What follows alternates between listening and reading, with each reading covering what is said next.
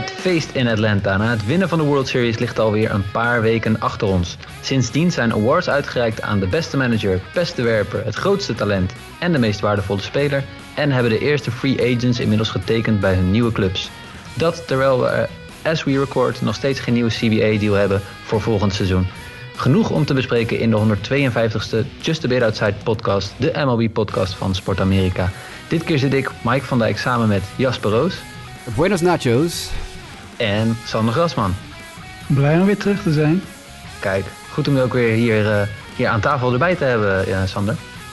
Ja. Hoe gaat het? Hoe heb jij de play-offs beleefd? Wil je er nog iets over zeggen? Goed, ik was uh, vaak s'nachts op. Dus ik, uh, ik kon af en toe even, even een keer hier en daar meepakken. Dus dat, dat was leuk. En blij dat de Braves gewonnen hebben. Vooral dat, dat niet de Astros gewonnen hebben eigenlijk. Ja, dat was toch ook wel het sentiment inderdaad in de, in de laatste podcast uh, uh, die we natuurlijk uh, hebben opgenomen. Ik denk dat het twee weken geleden was dat we voor het laatst waren, Jasper. ja, zoiets, ja. zit jij al in een, in een off-season vibe? Beetje wel. Ja, beetje wel. Ik, die, die, hele CBA heb ik natuurlijk de laatste tijd weer wat meer in verdiept. Ook artikel opgeschreven, op de site geschreven een week geleden over de geschiedenis van de CBA-onderhandelingen. En dan kom je er toch telkens weer achter hoe ja, toch eigenlijk iedere keer als er onderhandeld wordt op twee keer na of zo er uh, gedonder is. Dus aan de ene kant is dat geruststellend, want dan weet je, het komt uiteindelijk vast wel weer goed. Want het komt uiteindelijk altijd weer goed. Alleen aan de andere kant is het natuurlijk heel frustrerend, omdat uh, er ook regelmatig uh, wedstrijden verloren zijn gegaan. Of überhaupt niet gespeeld zijn, moet ik dan zeggen. Vanwege stakingen en dat soort zaken meer. Dus aan de ene kant ben ik heel hoopvol dat het snel gaat gebeuren. Aan de andere kant, ja, het, het I don't know ik vond het opvallend dat er een paar free agents al getekend hebben en dat er al gesproken wordt over lange contractverlengingen voor bepaalde spelers. Want je zou toch zeggen, je weet eigenlijk niet wat je tekent, want over drie weken kan alles anders zijn met een nieuwe CBA. Maar blijkbaar kan dat in dit geval de clubs en de spelers niet zo heel veel verrotten. Dus. Ik deel die verontwaardiging. Ik heb ook gedacht met bepaalde contracten die je voorbij uh, ziet komen. Oké, uh, blijkbaar gaat het niet allemaal zo stil liggen als dat we hadden gedacht dat het zou, uh, zou doen. Uh, laten we dat, uh, hopen dat dat uh, positief is. Maar nog even terugkijkend op het, op het vorige seizoen. De, de afgelopen weken zijn awards uitgereikt. en om te beginnen, nou, dan kijken we even naar de most valuable players. Shohei Otani, unanimous MVP van de American League. ja, Sander, dat is weinig verrassend, denk ik, hè? Nee, ja, ik, ik zag dat er nog wat Toronto Blue Jay fans zich bestolen voelde omdat Guerrero niet gekregen had. Maar verder denk ik dat, uh, dat iedereen hiermee kan leven. Dat, dat wat we gezien hebben van Otani dit seizoen gewoon uniek is. En, en dat, dat ja, hij is gewoon in alles was hij, uh, had de meeste war. Hij was gewoon goed op de heuvel. Hij was fantastisch aan slag. Ja, fantastisch speler. En uh, hopelijk blijft hij, blijft hij nog lang fit. En kunnen we nog lang van hem genieten. En nou ja, bij de Angels krijg je lekker vroeg vakantie. Dus hij kan weer de, de hele winter herstellen, denk ik. Ja, het is opvallend dat uh, Guerrero en Simeon, allebei Blue Jays, natuurlijk tweede en derde worden. Dus de Toronto Blue Jays hebben de zilveren en bronzen medaille in de MVP-competitie. Maar hebben verder helemaal niks overgehouden aan dit seizoen. Afgezien van natuurlijk ook nog Robbie Ray, waar we zo meteen nog op terugkomen, die ook nog de Cy Young won. Dus de Blue Jays hebben qua individuele prijzen behoorlijk wat uh, hardware binnengehaald. Maar uh, op teamgebied overal naast gegrepen. Uh, dus dan is het te hopen voor Toronto dat ze wel gebruik gaan maken van het feit dat ze zo'n goede core hebben. Uh, Simeon gaat natuurlijk waarschijnlijk weg. Die is free agent en die zal. Uh, ik denk niet dat er bij Toronto geld is om Simeon ook nog binnen te halen. Zeker niet na de contractverlenging bij Jose Barrios, waar we het later nog over gaan hebben. dus die zijn ze denk ik kwijt. Maar het is toch wel voor Toronto en voor deze core te hopen dat ze volgend jaar er iets, ja, iets mee weten te doen. of ze Robbie Ray ook nog kunnen betalen, die is ook free agent, is maar de vraag. Um, maar dit is, uh, op zich is het positief voor Toronto dat natuurlijk zoveel jongens in de, ja, hoog in de individuele klassementen eindigen. Otani natuurlijk overduidelijk de, de MVP, want ja, Guerrero was misschien wel de beste slagman in de American League, maar Otani was een van de beste slagmensen en ook nog een van de betere pitchers. Uh, dus ja, dan is het vrij makkelijk kiezen, denk ik. Zie, jij hem volgend jaar een stap verder zetten uh, dan, dan dit seizoen, Otani? Weet ik niet. Ik, ik, zit te kijken naar wat hij geslagen heeft. Natuurlijk fantastisch. 46 homeruns, 26 doubles, 8 triples. Dat is ook nog het hoogste in MLB trouwens. Uh, 100 RBI's als DH, 100 RBI's. En als part-time DH eigenlijk ook nog. 103 runs, 26 gestolen honken. Ik weet niet of je daar heel veel overheen kan. Dat is natuurlijk het hele seizoen fit geweest zo ongeveer. Heeft het hele seizoen gewoon gespeeld. Ja, 130 innings. Ik, ik denk, ze willen hem misschien wel pushen naar 150 innings volgend jaar. Het is natuurlijk ja, het is eerste volledige seizoen op de heuvel. Dus misschien hebben ze toch een beetje conservatief gedaan. Um, als Otani volgend jaar 27 of 28 starts gooit... dan gaat hij naar richting de 175 innings. Nou, dan, dan zit je denk ik wel een beetje aan zijn top. Ik zie hem niet meer homeruns slaan dan hij dit jaar geslagen heeft. 46 homeruns, dat ga je niet heel snel meer overheen, denk ik. Um, dus nee, ik weet of hij heel veel beter kan dan dit. Maar ja, bedoel, als je dit gewoon vijf jaar achter elkaar doet, dan ben je ook gewoon een Hall of Famer, hoor. Dus ik bedoel... Ja, het, kan sowieso niet heel veel beter dan, dan dit geweldige seizoen, denk ik. En wat, wat hoop geeft is voor, de, voor, de, voor Toronto, is denk ik dat ze in het tweede seizoen zelf waren ze gewoon echt goed. En ze hebben een jonge kern. Alleen, ja, het is jammer dat ze Ray en Simeon nu free agent zijn. En die allebei een fantastisch seizoen hebben gehad. Waardoor ze allebei gewoon een groot contract zullen, zullen willen krijgen. Maar uh, ja, ik denk, ik denk dat uh, Toronto. Ja, het seizoen was net eigenlijk iets te kort. Want anders denk ik dat ze, dat ze in ieder geval Boston voorbij waren gegaan. Hoewel die natuurlijk in de playoffs beter, uh, het weer beter deden. Maar aan het eind van het seizoen waren de, was Toronto wel echt beter eigenlijk dan de Red Sox. Ja. Nou, andere stemkrijgers in de American League uh, die nog interessant om eruit te lichten. Aaron Judge eindigt als vierde, Correa als vijfde, Ramirez als zesde. Dat zijn wel een beetje de usual suspects die je in een top 8 zou, zou verwachten. Salvador Perez vond ik ook leuk. Natuurlijk een hartstikke goed seizoen gehad. Een recordbrekend seizoen voor home runs en catcher.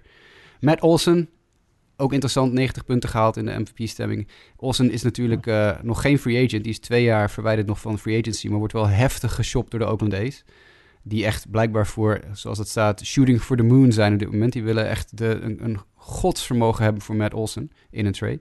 Ja, die gaat een enorm verbetering van contract krijgen via arbitration, denk ik. Want ik ja. las ergens dat hij 5 miljoen kreeg. Nou, na dit seizoen zal dat wel behoorlijk omhoog gaan.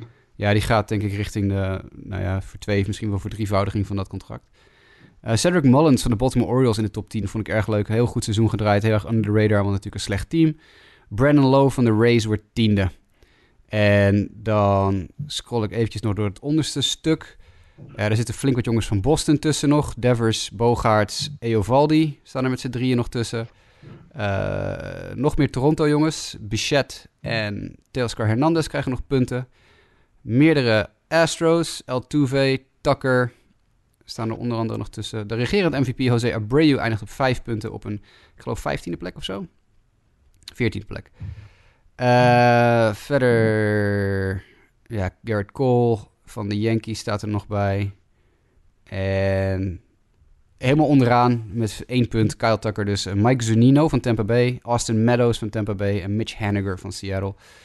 En dan zijn er wel een paar jongens denk ik een beetje gesnapt. Want Juli Gurriel had ook wel minstens één puntje mogen krijgen... na dat geweldige seizoenanslag dat hij gehad heeft. En uh, Tim Anderson is denk ik ook absoluut MVP-stemwaardig. Uh, en dat is ook niet gebeurd. En ik zou denk ik eerder op Tim Anderson hebben gestemd dan op, uh, nou laten we zeggen, Mike Zunino of uh, Mitch Haniger. Maar goed. Verder, ja, verder zijn dit gewoon wel de usual suspects, denk ik. Er staan geen echte verrassingen meer tussen. Met alle respect voor iemand als Mike Zunino, maar ik vind dat, ja, hij heeft een heel goed seizoen gehad, hè. Maar Most valuable player. Hetzelfde geldt voor Austin Meadows. Ik ben een groot Austin Meadows fan. Hij heeft een hartstikke goed seizoen gehad. Maar hij staat niet in de schaduw van een jongen als Tim Anderson of Julie Gurriel of dat soort jongens. Dus ik snap niet zo goed waarom Meadows... Ja, dat zal wel de Tampa Bay... Uh, dat zal wel uh, Mark Topkin zijn geweest van de Tampa Bay uh, Times.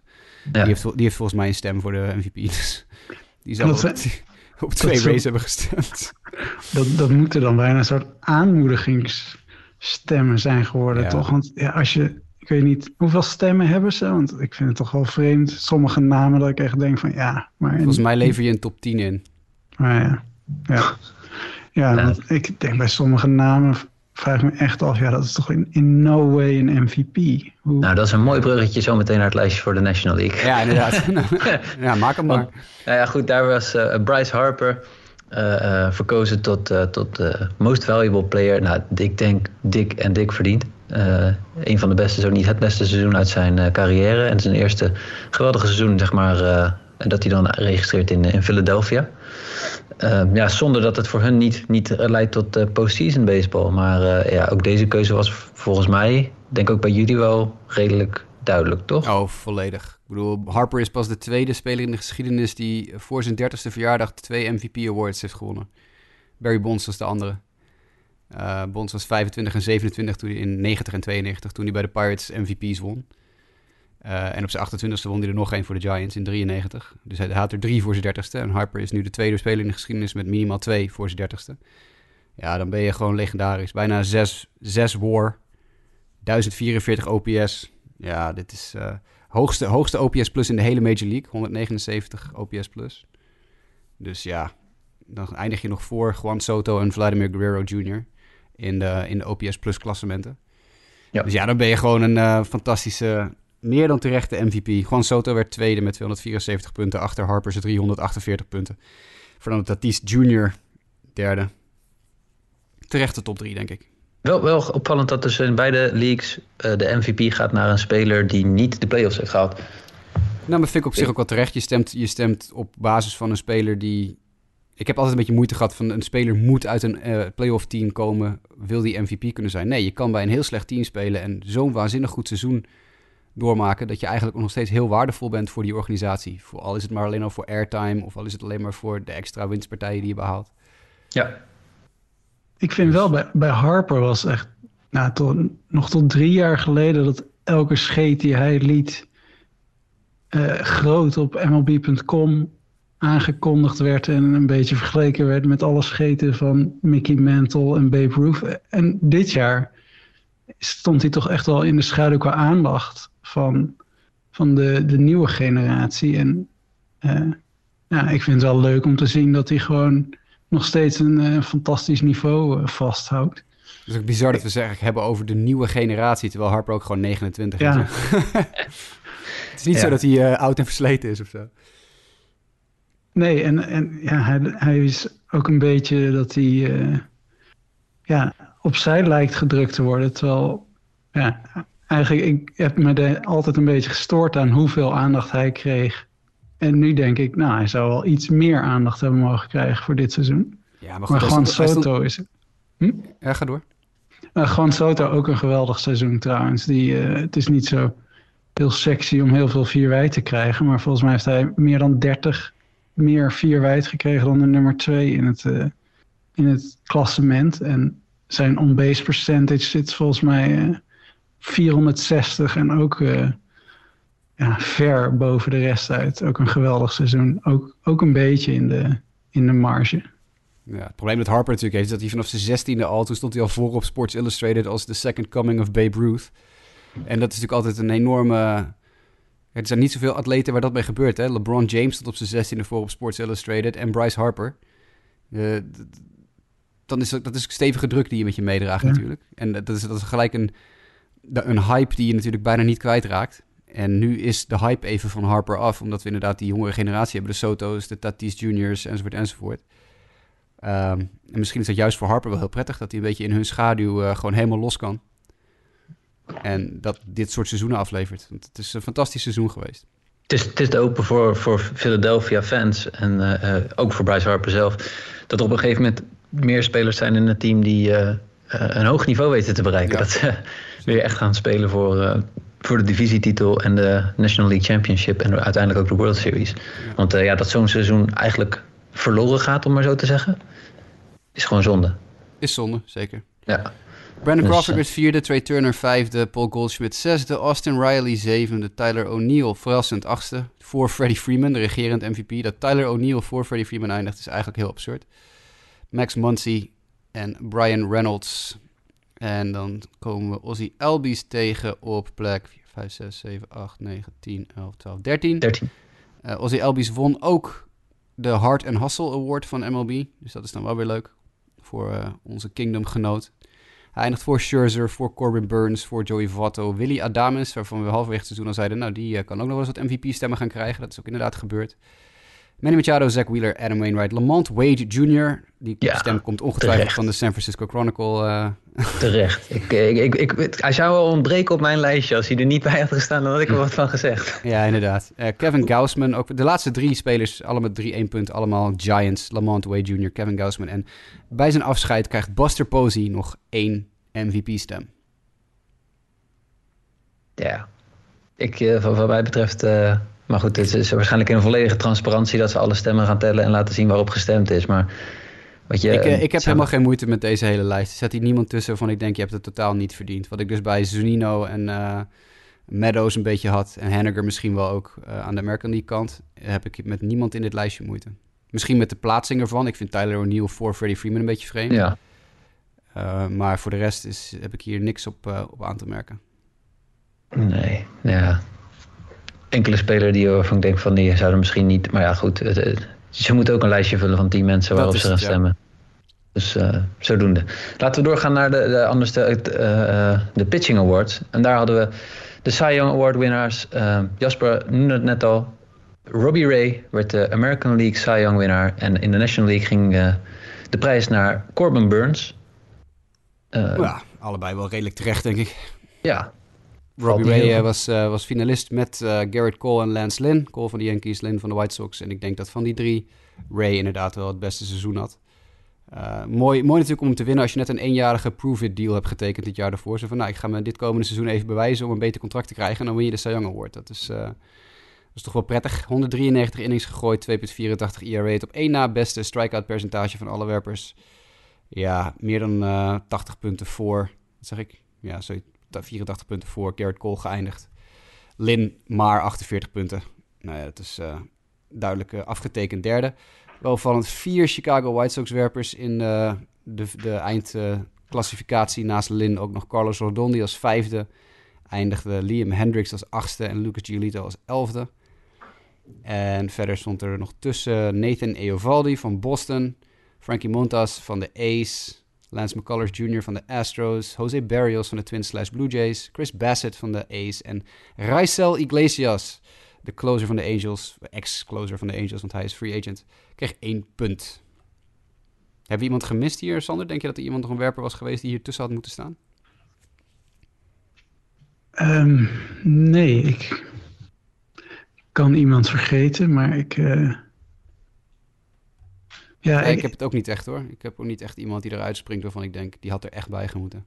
Ik, meer dat ik uh, moet zeggen dat ik me verraste dat uh, Frankie Montas zo hoog eindigde. Dat, uh, hij werd zesde, even voor de ja. orde. Ja. Maar dat hij, ja, die, die is voor mij een beetje onder de radar gebleven. dat, dat hij het zo goed gedaan heeft. Maar verder ja, kan ik me wel vinden in dit rijtje eigenlijk. Als ik heel eerlijk ben, had ik ook Liam Hendricks voor Frankie Montas gedacht. Want Hendricks was gewoon een betere pitcher dit jaar dan Montas. Maar ja, Montas is starter en Hendricks is een reliever. Dus dat heeft hem misschien de das omgedaan. Maar uh, nee, verder heb ik hier niet zo heel veel op aan te merken in de American League. En de National League dan, waar Corbin Burns uh, de nummer 1 was? Ja. Uh, Zach Wheeler tweede. Niet, heel, niet heel ver erachter. 10 punten maar. Ja, 10 punten verschil. Ja, er zijn natuurlijk heel veel mensen die zeggen... oké, het Wheeler had het moeten worden, want meer gegooid. Uh, dan uh, Burns. Burns is een tijdje ziek geweest natuurlijk en uh, licht geblesseerd geweest enzovoort enzovoort. En had wat moeite toen de sticky stuff ban erin werd gedaan. toen moest hij zich even aanpassen weer. Ja, weet je, Burns was zo waanzinnig goed op het moment dat hij gooide en in vorm was. En dat was hij heel vaak. Dat wij ook echt regelmatig met z'n drie of met z'n vier of met z'n vijf er in een chatgroep over hebben zitten praten van... ja jongens, jullie moeten nu echt even de tv aanzetten, want dit is gewoon echt absurd die enorme streak zonder runs tegen, die enorme streak zonder walks tegen, stapels en stapels strikeouts. 234 strikeouts in 167 innings. Ja, weet je, ja. daar kan je lang en kort over kletsen. Dat is gewoon een terechte winnaar. En als je dan Zack Wheeler voorblijft, Zack Wheeler die een fantastisch seizoen had, dat is één. En Max Scherzer werd derde. Nou ja, goed, dat is, Scherzer is altijd gewoon goed. Moet je even voorstellen dat Zack Wheeler had al twee jaar geleden uh, met potlood zijn handtekening gezet onder een overeenkomst met de White Sox. Totdat zijn vrouw zei: Ik wil eigenlijk liever naar Philadelphia, want dat is dichter bij huis. En toen zei hij: Nou, dan neem ik gewoon minder geld en dan gaan we in Philadelphia wonen. Zeg maar een bruggetje naar straks. Freddie, ja. Freddie Freeman. Ja, moet je nagaan. Als, als Zach Wheeler in deze White Sox staff had gezeten... dan hadden ze de World Series gewonnen dit jaar.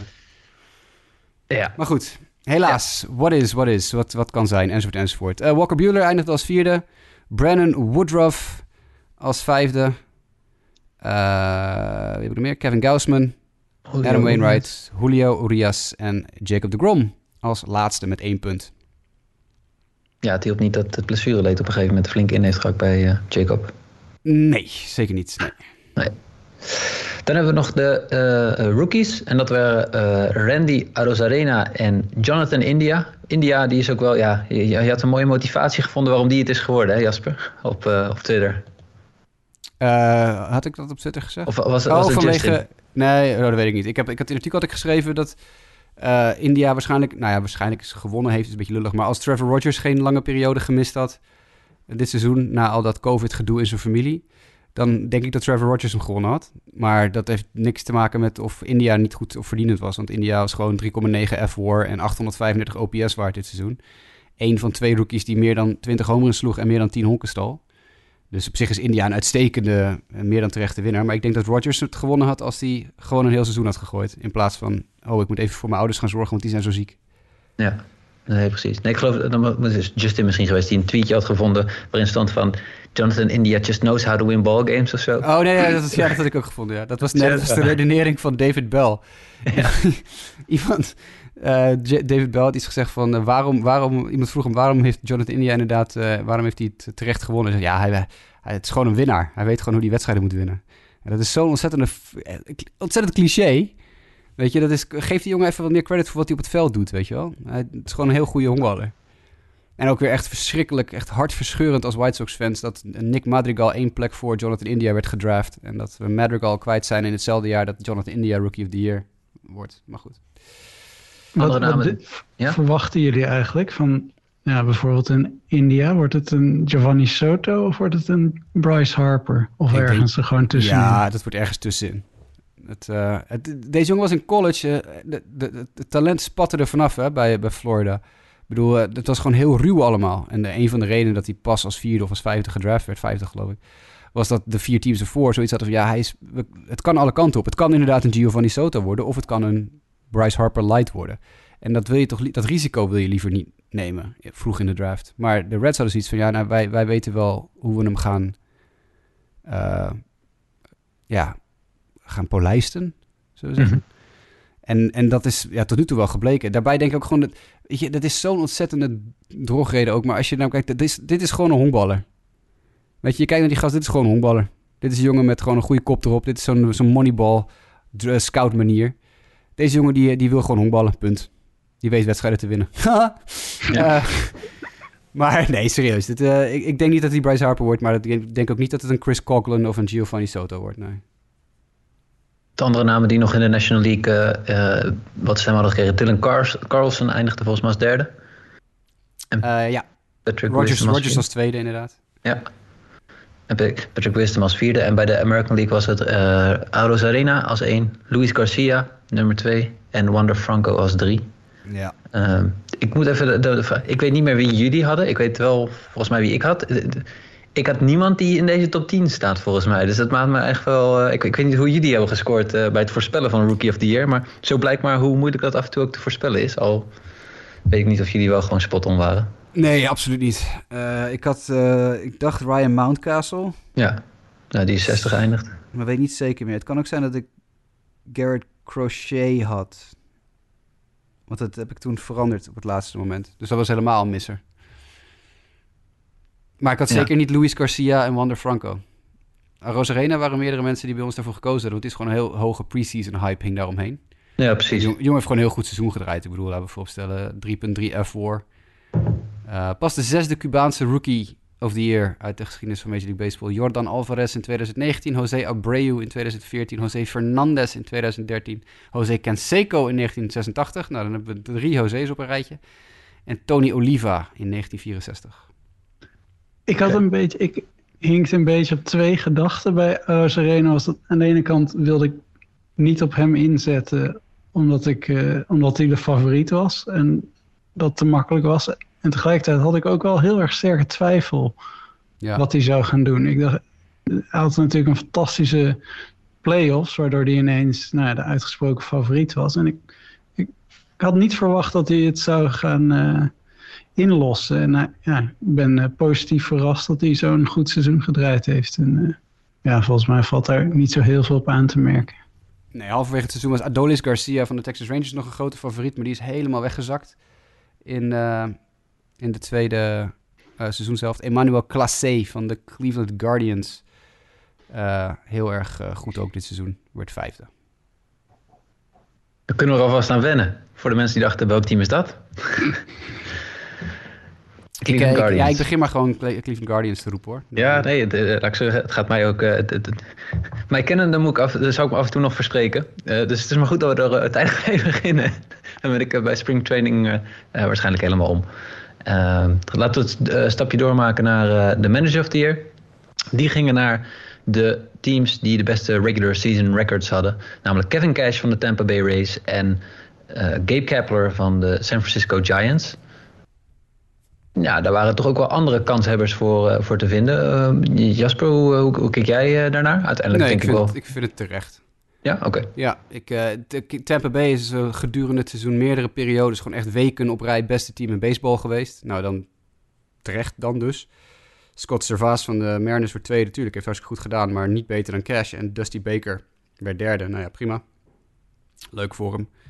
Uh, maar nee, ik vind Kevin Cash in de EL uh, meer dan terecht. Charlie Montoyo werd vierde, Alex Cora vijfde, Tony La zesde en AJ Hinch zevende.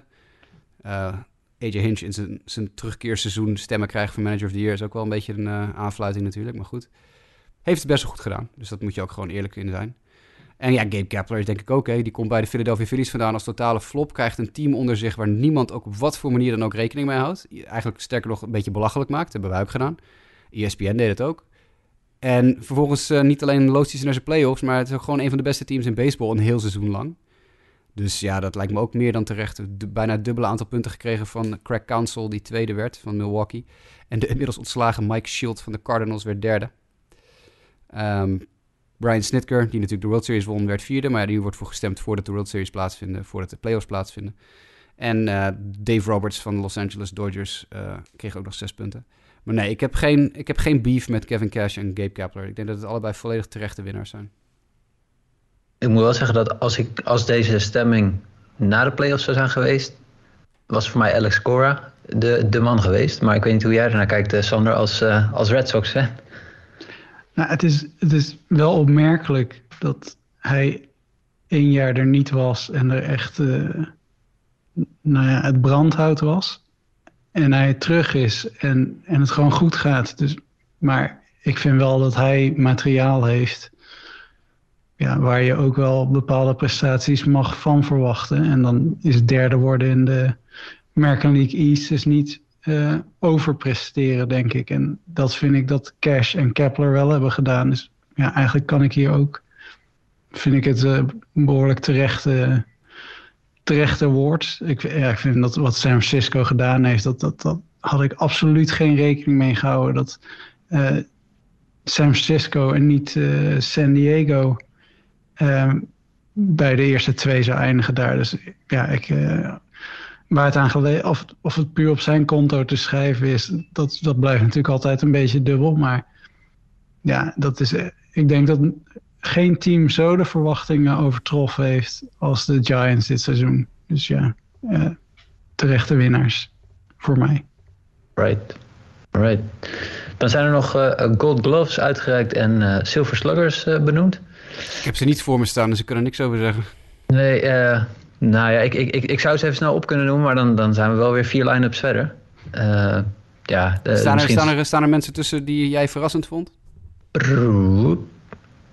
Uh, nou, ik vind Gold Globes altijd wat lastig in te schatten.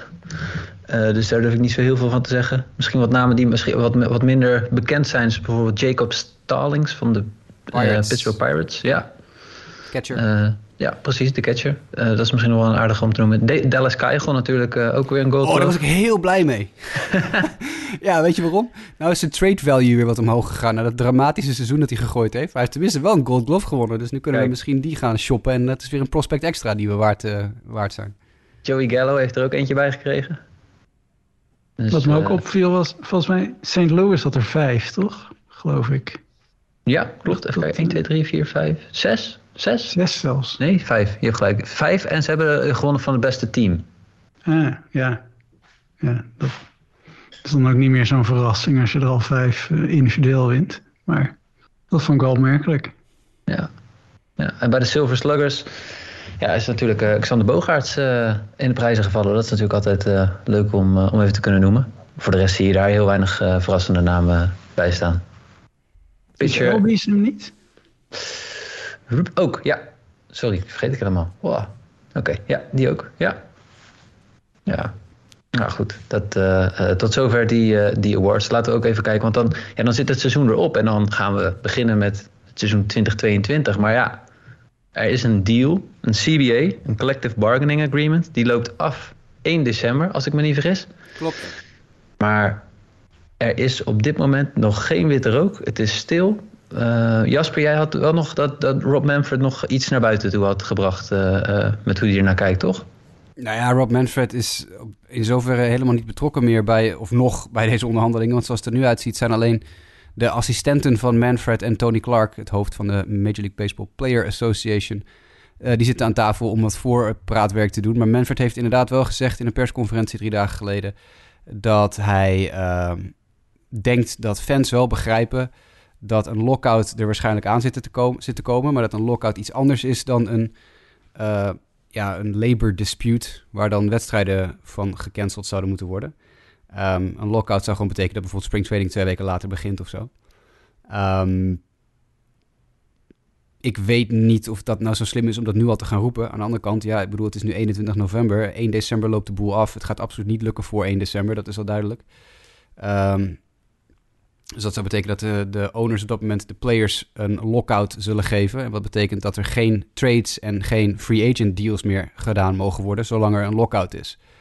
Dus als dat op 1 december inderdaad gebeurt, dan zou er wel eens de maand december echt letterlijk helemaal niks kunnen gebeuren. Want dan mogen spelers gewoon niks doen. Dan zit je gewoon vast.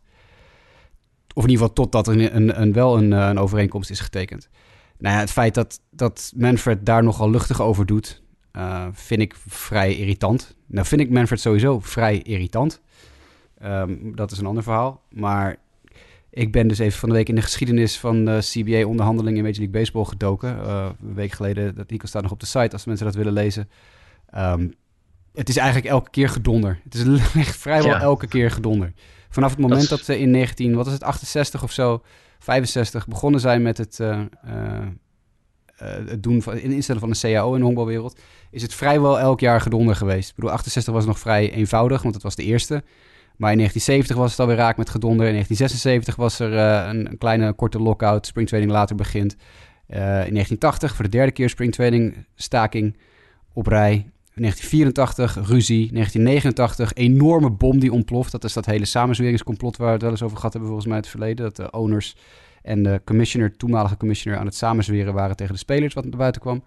1994 natuurlijk de staking, de staking. Uh, in, uh, die loopt door tot in 95. En dan in 1996 en 2002 is het allemaal iets rustiger. Vrij simpele CBA-updates die gedaan worden. 2002 gaat het weer bijna fout. Na een heel jaar bijna zonder CBA te hebben gespeeld, weer een staking gedreigd. Maar met een paar uur voor de deadline hebben toen de Major League Baseball Player Association en Major League Baseball hebben toen een deal gesloten. 2006 en 2011 uh, waren heel soepel. Vrij snel allemaal uh, een nieuwe CAO. Zelfs voordat het seizoen eindigde, of voordat de oude CBA eindigde. Uh, 2016 ook weer, want dat was het eerste jaar van Rob Manfred en het eerste jaar van Tony Clark. En die hadden geen zin in gedonder in hun eerste jaar, dus die hebben zo snel mogelijk een nieuwe CBA getekend waarin eigenlijk helemaal niets verandert. Echt helemaal niets. En daar plukken we nu de verrotte vruchten van, van het feit dat ze toen helemaal niks hebben veranderd. Want ja, er is dus feitelijk gezien sinds 2011 niets meer veranderd. Dus we spelen al tien jaar min of meer met dezelfde CBA. En dat hele mantra van wie dan leeft, dan zorgt in 2016 is nu, ja, eet ons nu uh, op, zeg maar. Want nu is er zoveel onhebbelijkheid en irritatie tussen de Player Association en MLB. Er is zo verschrikkelijk veel dat in één klap op de schop moet. Dat ik ook niet zie hoe ze heel snel bij elkaar gaan komen. En het is ook al iets dat voor mijn gevoel echt al zo lang erboven hangt. Dat je eigenlijk al, hoe lang horen we al niet van dan kan het wel eens helemaal misgaan. En ja, het, uh, het komt nu gewoon op de laatste tien dagen aan. En ja, hij noemt het, uh, Manfred noemt het de number one priority. Nou ja, dat mag ik hopen, ja. Maar ja, dat je, je ziet het al zo lang aankomen. En, en, maar wat gebeurt er nou eigenlijk? En waar ik heel erg bang voor ben, is dat weer de spelers de schuld gaan krijgen. Dat was in 94 zo. En ja, dat, dat is, het narratief wordt altijd zo gedraaid omdat zij uiteindelijk besluiten te staken dat zij de schuldigen zijn. Terwijl, nou, op zijn minst kan je, moet je zeggen dat er uh, waar twee vechten twee schuld hebben. En ik heb toch altijd de neiging om de kant eerder van de spelers te kiezen dan de eigenaren. Ik weet niet of dat bij jullie ook zo is. Ja, ja ik, zit even, ik zit even te denken. Ik zit even, eh, zelf blijf ik ook altijd gewoon het belang van het spel. Uh, wat, wat is in de best interest of the game zeg maar, belangrijk vinden. En of dat dan de ene keer uh, richting de spelers is en de andere keer richting de eigenaren, dat kan wat mij betreft nog wel eens ver, verschillen. Uh, het is wel zo dat als je nu gewoon kijkt, er zitten gewoon echt, echt wel wat behoorlijke weeffouten in, in, in de CBA die, we, die er nu is. Uh, die gewoon voor hele rare gedragingen zorgen. Neem bijvoorbeeld het tanken. Maar goed, dat, dat is een van. service time blijf ik natuurlijk ook wel tamelijk bijzonder vinden. Zeker als je vanuit een uh, vanuit een ander perspectief naar kijkt, vanuit het, wat je gewend bent van het Europese voetbal bijvoorbeeld. Um, en ik, ik, ik denk, ik, ja, als je, als je zulke rigoureuze wijzigingen wil gaan doen, nou dan, dan dringt de tijd inderdaad behoorlijk. En dan hoop je dat ze redelijk ver zijn in die discussies. Maar ja, daar krijg je, krijg je niet echt. Uh, uh, ja, ik krijg er nog weinig beeld en geluid van wat, waar, waar het überhaupt zeg maar, over gaat en hoe ver ze uit elkaar liggen. Maar je, je krijgt altijd dan het verwijt dat de honkballers volgevreten verdettes zijn. En dan wordt er gewezen naar de, de monstercontracten. Maar ja. dat is een deel van, uh, van de sport. Maar daar gaat het ook. Dat is niet het enige waar het om gaat. Het gaat ook om de spelers die uh, een speelbal zijn van eigenaren. Die uh, de manip manipulation. Uh, waar Jasper net over had, dat, uh, dat uh, kartelvorming, wil ik nu zeggen. Maar de, de onderhandse deals van eigenaren. Het is echt niet dat het gaat om de volgevreten verdettes. Dat, dat Mike Trout in plaats van 40, 50 miljoen wil verdienen. Maar er verdwijnen spelers uit de sport omdat ze in de minors gewoon geen geen voldoende salaris krijgen. Dat, die moeten er gewoon naast werken. Dus uh, heel veel spelers ook gewoon kwetsbaar. Die kunnen vroeg in hun carrière een blessure oplopen en je hebt niks. Er is heel weinig bescherming, juist voor de kwetsbare spelers. En ja, er zijn niet heel veel kwetsbare eigenaren. En dat wordt wel een beetje vergeten dat uh, de hey, spelers met de grote contracten tegenover de eigenaren worden gezet. Maar dat is volgens mij niet de belangrijkste discussie in, deze, in dit dispuut. Het gaat ook om de kwetsbare spelers. En die zijn er veel meer dan kwetsbare eigenaren. Ja, ja dat ben ik eens. Vind ik ook. Maar eh, als je de free agent deals ook weer bekijkt en de bedragen die gaan voor bepaalde spelers, dan denk ik inderdaad van waar, hoeveel geld zit er inderdaad überhaupt wel niet bij die eigenaren? Ja, kijk naar de Cleveland Guardians, hoe die uh, met Lindor zijn omgegaan. Dat, het geld wel hebben, maar het niet willen betalen. Uh, ja, dat, eigenaren zitten er ook deels gewoon om geld te verdienen, lijkt het. En niet per se om het allerbeste voor de club te doen. Ja, daar, en dus ook niet voor het honkbal. Ja. Jij Jasper? Nou ja, ik ben het daarmee eens. Weet je, het is. Uh ik, ik vind persoonlijk de eisen van de Players Association niet heel gek. Het probleem is natuurlijk ook, Scott Boras was weer uh, in het nieuws van de week, de super agent in Amerika. En die gaf gewoon aan, luister, er zijn op dit moment maar 15 teams of 14 teams, weet ik veel hoeveel die er zijn, die op een of andere manier maar geïnteresseerd zijn in het beter worden. En de andere, nou ja, 15, 14, 16, uh, hoeveel het er ook waren, de andere helft, zullen we even zeggen, wil gewoon keihard tanken die zijn totaal niet geïnteresseerd in, in iets, in, in, sterker worden. Die willen sterker nog, die willen alleen maar zwakker worden, zodat ze hogere draftpicks kunnen gaan krijgen. En dat is natuurlijk wat de oude CBA heel erg in de hand heeft gewerkt. Um, en dat is natuurlijk voor de sport heel ongezond. Kijk, je kan, je kan heus wel drie of vier teams hebben die, die tanken elk seizoen. Maar dan heb je tenminste nog meer dan genoeg om uh, in ieder geval een interessant seizoen te maken. Hè? Ik bedoel, als je van de 30 teams, als er drie tanken, dat is iets anders dan als er van de 30 teams 15 tanken. En hij kan natuurlijk als geen ander kan iets over zeggen, want hij heeft zo ongeveer iedere speler uit, uh, uit Major League Baseball in zijn stal zitten. Dus hij weet welke spelers of welke teams er bellen voor de goede spelers. Wie belt er voor de Marcus Semyons van de wereld en zo. Dat zijn de teams die beter willen worden. Dat zijn de teams die ervoor gaan, die geld willen uitgeven. Maar als je een gunstig business- of werkklimaat wil maken, moet je natuurlijk teams hebben die geld uitgeven. Niet teams hebben die op hun geld gaan zitten, zoals inderdaad de Guardians doen, zoals Sander al zei. Er zijn er veel meer natuurlijk die dat doen. Uh, dat, dat, dat werkt niet. Dat is voor de sport niet goed. Dus je moet op een of andere manier aan een CBA gaan toewerken, waarin dus het aantrekkelijker wordt voor teams om ook als ze er wat minder goed voor staan, toch te investeren. En dat is het, de eis min of meer van, van, de, van de Players Association. Er moet, er moet, geld moet gaan rollen. En dan komt MLB met een idee voor een salarisvloer of een salarisplafond in plaats van een luxury tax. En dat is ook allemaal, ja, dat gaat ook allemaal niet werken.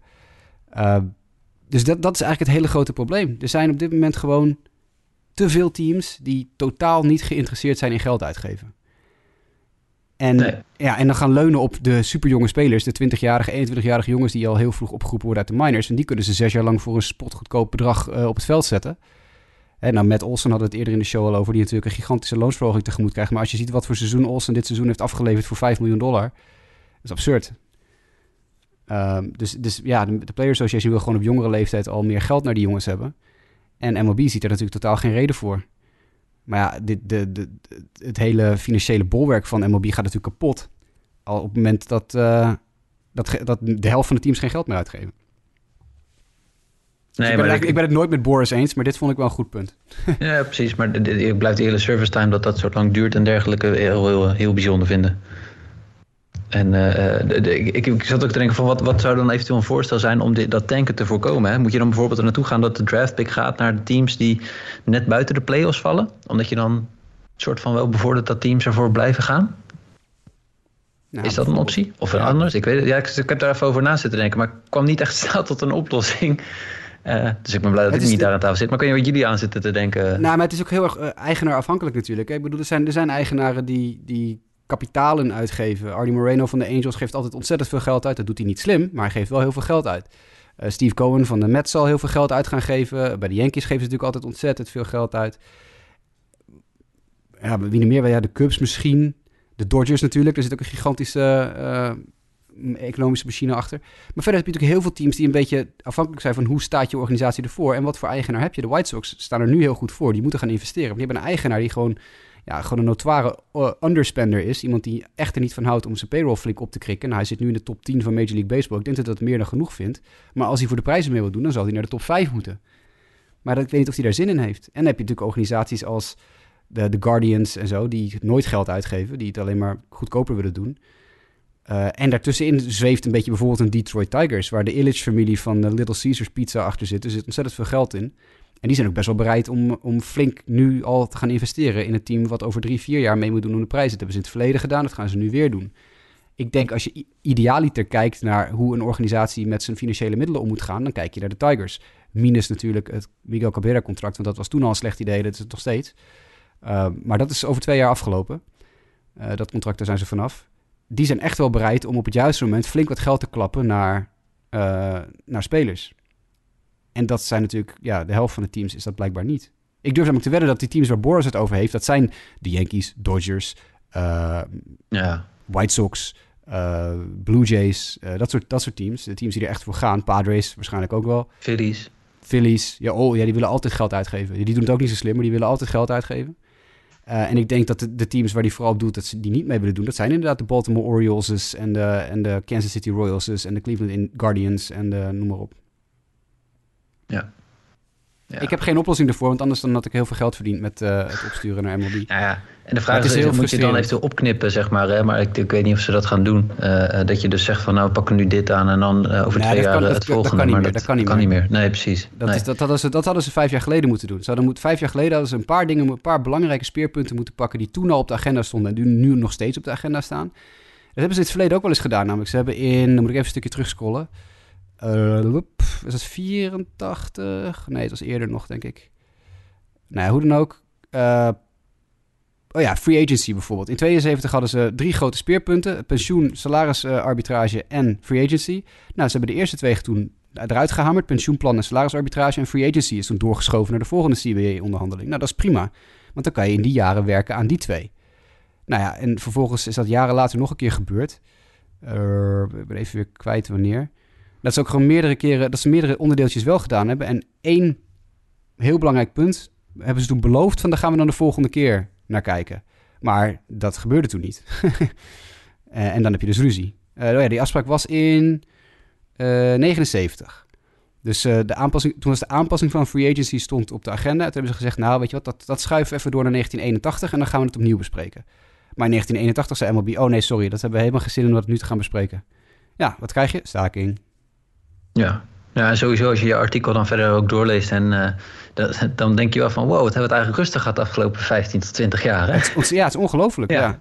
En we hebben toch echt wel, ook de, twee CBA's geleden, hebben we echt wel even, hebben we met Nick de Lessie onder andere nog over gehad in de podcast en op de website van hey, wat zit er juridisch gezien allemaal achter? En toen hebben we ook echt ons wel even heel kort zorgen gemaakt. Maar toen kwam het niet ineens het verhaal, oh, het is allemaal in orde. Oh, nou, prima. Ja, geen wonder dat het vijf jaar geleden allemaal in orde was, want ze hebben letterlijk niks veranderd. Dus, nee. Maar laten we ook uh, doorgaan, want dit gaat nog wel even, even duren. Misschien ja, het is gewoon een heel fascinerend onderwerp, dus ik kan er eindeloos over doorpraten.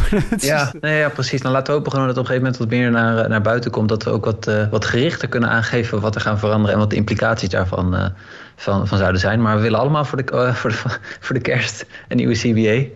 En liever eigenlijk al voor Sinterklaas. Dus uh, we, gaan het, uh, we gaan het zien. GM-meetings zijn er ook nog geweest in de laatste weken. Daar was het relatief rustig, maar wel was er een, een, nieuwe GM benoemd. De New York Mets hebben een nieuwe GM, namelijk Billy Epler. de voormalige GM van de Los Angeles Angels. die heeft voor vier jaar getekend in, in New York. Is dit een, een goede keuze voor, voor de Mets? Jasper, ik weet dat jij zeg maar, ook zijn, zijn, zijn trade history erbij hebt gezocht. Ja, weet je, niemand wilde er met. Dus waar kom je dan uit? Dan kom je bij een Billy Epler uit. Ja. Uh, is, is Billy Epler nou een fantastische GM? Nou, hij heeft een paar heel goede dingen gedaan. Hij heeft Shohei Otani naar Amerika gehaald. Daar was hij verantwoordelijk voor bij de Angels. Top, hartstikke goed. Zijn we allemaal ontzettend blij mee. Ik dank hem nog elke dag op mijn blote knietjes daarvoor. Uh, hij heeft Mike Trout een 14-jarige contractverlenging gegeven. Nou, hartstikke mooi. De jongen krijgt uh, flink betaald. Is het een goed contract? Nou, op dit moment nog totaal niet. Want Trout is ieder jaar 80% van de tijd kapot. Dus dat, is, dat schiet ook niet op natuurlijk. Maar is het te begrijpen om zo'n deal, deal te maken? Ja, absoluut. Um, hij heeft een paar interessante trades gemaakt. Hij heeft in 2015 heeft hij Anderton Simmons naar LA gehaald. Dat, die heeft daar heel goed gedaan. Dat was echt een goede trade. Hij heeft natuurlijk nog die Justin Upton trade gedaan met de Tigers, waar hij Upton naar de Angels haalde. Wat op dat moment een heel erg begrijpende, begrijpelijke trade was. Echt totaal uh, te verdedigen. Het heeft niet zo gewerkt, want Upton heeft niet geleverd wat hij had moeten leveren. Maar dit is wel een, move die een GM met ballen natuurlijk gewoon maakt. hij heeft Ian Kinsler nog naar LA gehaald toen hij nog redelijk kon honkballen. Hij heeft... Uh, nou ja, Dylan Bundy natuurlijk is zijn laatste succes trade gehaald. Maar die rij met, met nietszeggende onzin trades. En hij haalde een Danny Espinosa, een Ricky Nolasco, een Juli Chassin, een Brandon Ryan. Dat zijn allemaal van die ja, stopgap opties. Uh, die uh, eigenlijk, ja, waarvan je denkt, moet dat nou? Hij heeft CJ Crone heeft hij ooit een keer voor bijna gratis de deur uit laten lopen. Nou, die jongen die is bij de Rockies uitgegroeid tot een, uh, een serieuze power basher ja, de, Zack Kozart deal heeft toen geloof ik Kozart iets van, wat was het, uh, drie jaar en 38 miljoen of zo gegeven. En dat was zo'n dramatisch contract dat hij, uh, zelfs toen hij er vanaf wilde, moest hij een van zijn top prospects nog meesturen met Kozart om van het contract af te komen. Hij heeft toen Kozart en Will Wilson naar de Giants gestuurd. Toen zeiden de Giants, nou in dat geval als je Will Wilson meestuurt, dan betalen we de rest van Kozart zijn contract wel. En ze hebben hem meteen gereleased. Dus ze hebben letterlijk gewoon 38 miljoen, of nou wat, wat er nog van over was, 20 miljoen, betaald voor die Will Wilson. Maar als je natuurlijk een zo'n slecht contract sluit met een speler dat je er een van je top prospects voor weg moet doen om er maar vanaf te komen. Ja, dat is natuurlijk niet zo'n heel goede move. Dus het is een beetje 50-50 met, uh, met Billy Appler wat dat betreft. Maar ik vind het ook meest problematisch misschien nog wel de deals die hij niet gemaakt heeft. De, het echt versterken van de rotatie, zodat, we, zodat de Angels wel een keer in de playoffs zouden komen. Hij is er natuurlijk, hij heeft daar aan het hoofd gestaan in de jaren dat Trout daar wel de fit was. En hij is er nooit in geslaagd om van de Angels een echte contender te maken. En ja, dat, dat is toch wel een beetje ook zijn verantwoordelijkheid geweest die jaren.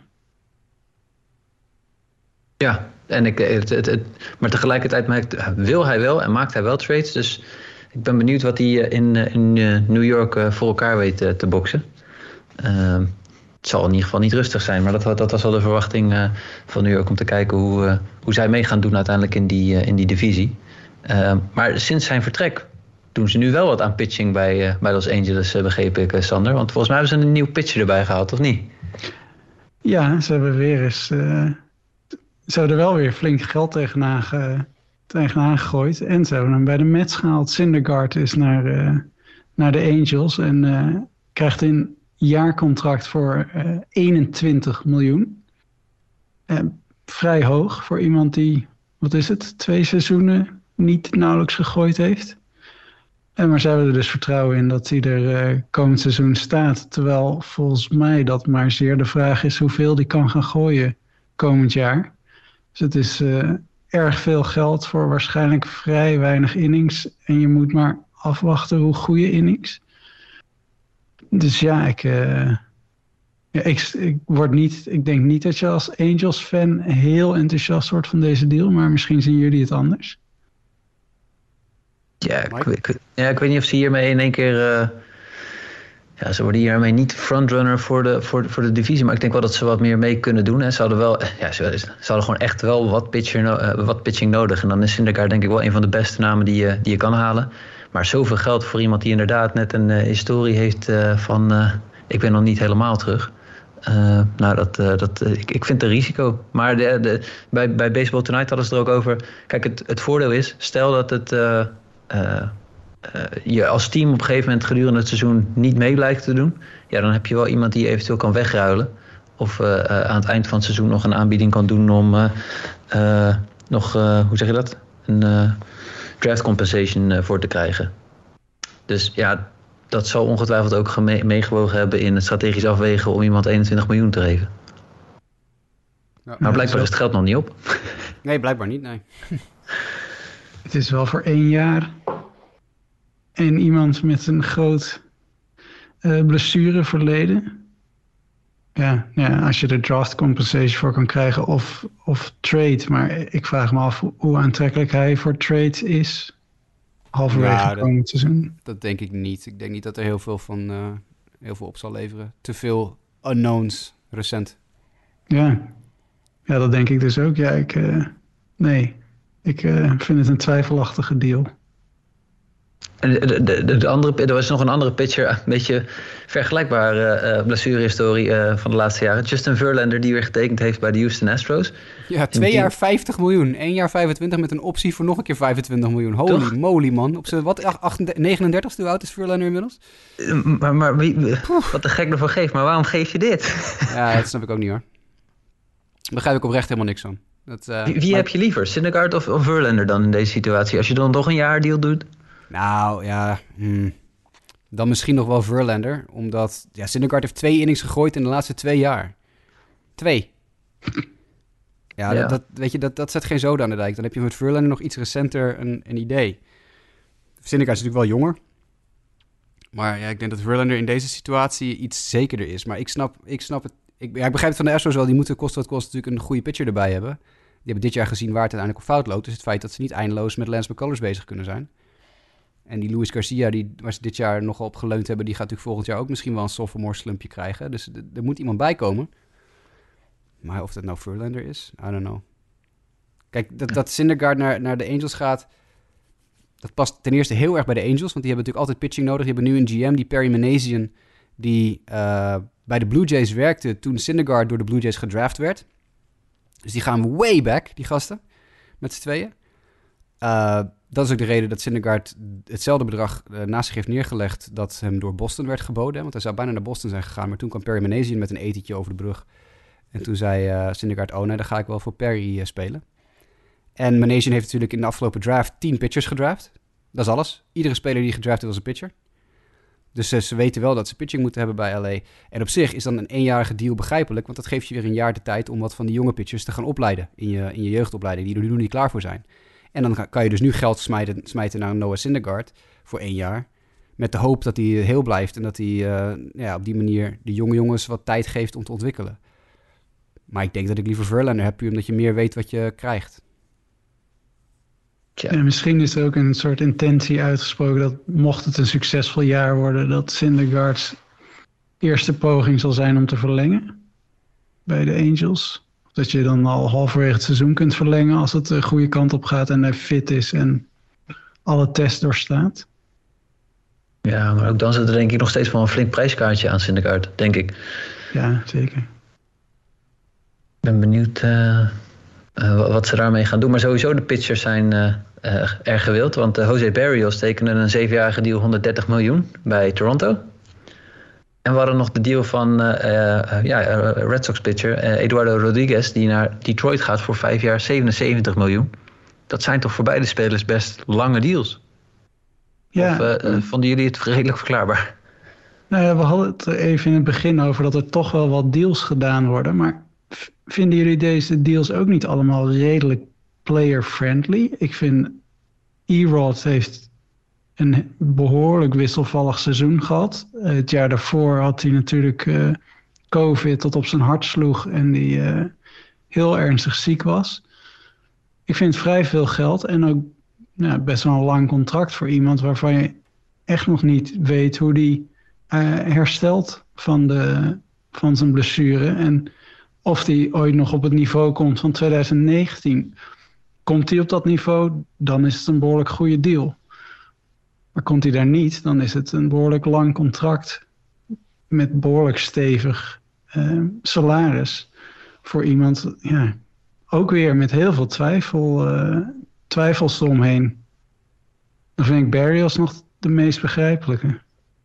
Ja, ik ook trouwens hoor. Dat maakt die trade trouwens ook weer... Dat was toen al een beetje... de Twins hebben toen aardig wat binnengeharkt voor Berrios. Dat is op zich wel begrijpelijk als je nu weet dat de Blue Jays hem natuurlijk verlengd hebben. En Berrios zelf zei dat hij het gewoon heel prettig vond in Toronto te wonen. Is ook wel een beetje een uh, sneer naar Amerika natuurlijk. Hij zei, mijn familie en ik voelen ons hier heel veilig en heel prettig.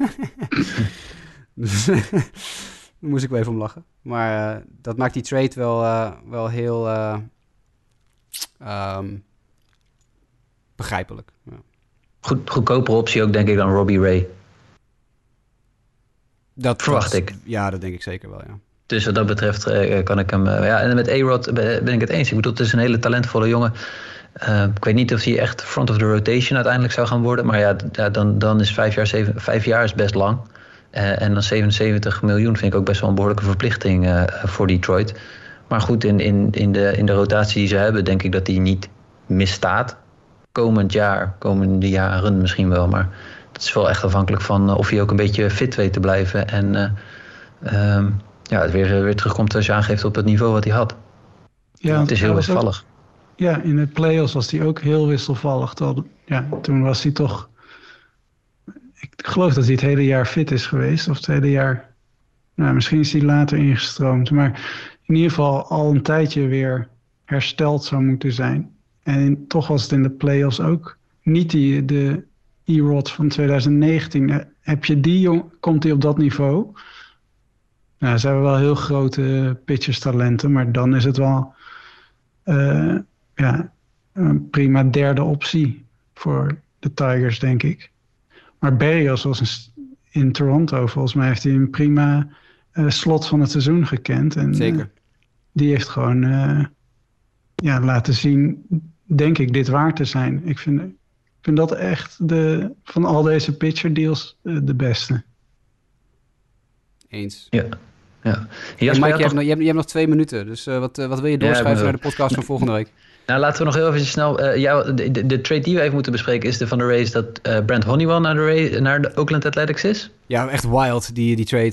Brent Honeywell, natuurlijk veel besproken in deze podcast. Een van mijn favoriete pitching prospects. De screwball gooier van Tampa Bay. Uh, voormalig 14 overall pick, geloof ik. Weet ik veel. Super hoge draft pick. Super top prospect. 14, dat was 14 op de lijst van Baseball America. En top, in de top 100 geweest en zo die voor cash naar de Oakland A's gestuurd wordt. Dat is echt uh, heel opvallend. Ik denk dat het vooral te maken had met het feit dat de Rays uh, ruimte nodig hadden op een 40-man roster om wat prospects te beschermen voor de aankomende Rule 5 draft. Uh, prospects die anders natuurlijk uh, blootgesteld worden aan de Rule 5 draft en dan kun je ze kwijtraken. En toen moesten ze ruimte maken en ze wilden Honeywell niet DFA'en, want dan ben je hem voor niks kwijt. Dus hebben ze hem net zo lang geshopt dat iemand zei, nou we geven jou een klein geldbedrag en geven ons dan Honeywell maar. Dat is denk ik gebeurd. Toch maar heel opvallend. Dat, ja, dat ook, maar dat Oakland dan ook de ploeg is die dan, dan weer toeslaat, zeg maar. Echte Oakland Ace move. Die, die, staan, die gaan leeg verkopen. Die, die zijn Olsen aan het shoppen. Die zijn Chris Bassett aan het shoppen. Die zijn Frankie Montas aan het shoppen. Die zijn Sean Manaya aan het shoppen. En ja, je moet ook spelers hebben die niet heel veel kosten. Die uh, ja, toch goed zijn. Nou, Honeywell kan heel goed worden. Weten we allemaal. En dit kost niet zoveel. En dat is natuurlijk extra interessant in het licht van het feit dat er informatie naar buiten kwam. Dat staat niet op de outline. Maar ik gooi er nog even in dat er gelekt is dat de Oakland A's organisatie een geldbod heeft gedaan op een lab grond in Las Vegas. Dat stond gisteren op internet. Hey. En de race was nog één ander nieuwtje. Die zijn in contractonderhandelingen met Wander Franco. Ja, 10 jaar tussen de 150 en 200 miljoen dollar. Die jongen heeft een half seizoen gespeeld. Maar goed. Over klappen geld gesproken. Nou, ja goed, in de aardezaak is dat niet zoveel natuurlijk. Ik bedoel, 10 of 15 miljoen dollar per jaar voor zo'n speler... wat we dit jaar al gezien hebben. Als, dat, als hij dat blijft doen, is ja. koop je. Ja. ja. Nee, ja, dan zijn we wel door de belangrijkste dingen denk ik heen voor deze week. Er zijn nog een heleboel free schuif, agents uh, Nee, schuiven die gaan we volgende week of zo uitgebreid de, de lijst met free agents even af. Maken we daar een free agent preview show van. Ja. Ik verwacht toch niet dat er heel veel gaan, gaan tekenen deze week. We houden het in de gaten. Uh, mocht je een vraag hebben of een free agent uh, uh, dat, willen dat we die gaan bespreken, of dat je er een specifieke zelf een idee bij hebt waar die gaat belanden, laat het dan vooral weten naar justabitpodcast.gmail.com of stuur een berichtje via Twitter naar jasperroos, grasmansd, jwkev of mdijk90 of sportamerika. We zijn via al die kanalen gewoon te bereiken. Voor nu heel erg bedankt voor het luisteren. En jullie bedankt Jasper en Sander weer dat jullie er waren. En tot de volgende keer.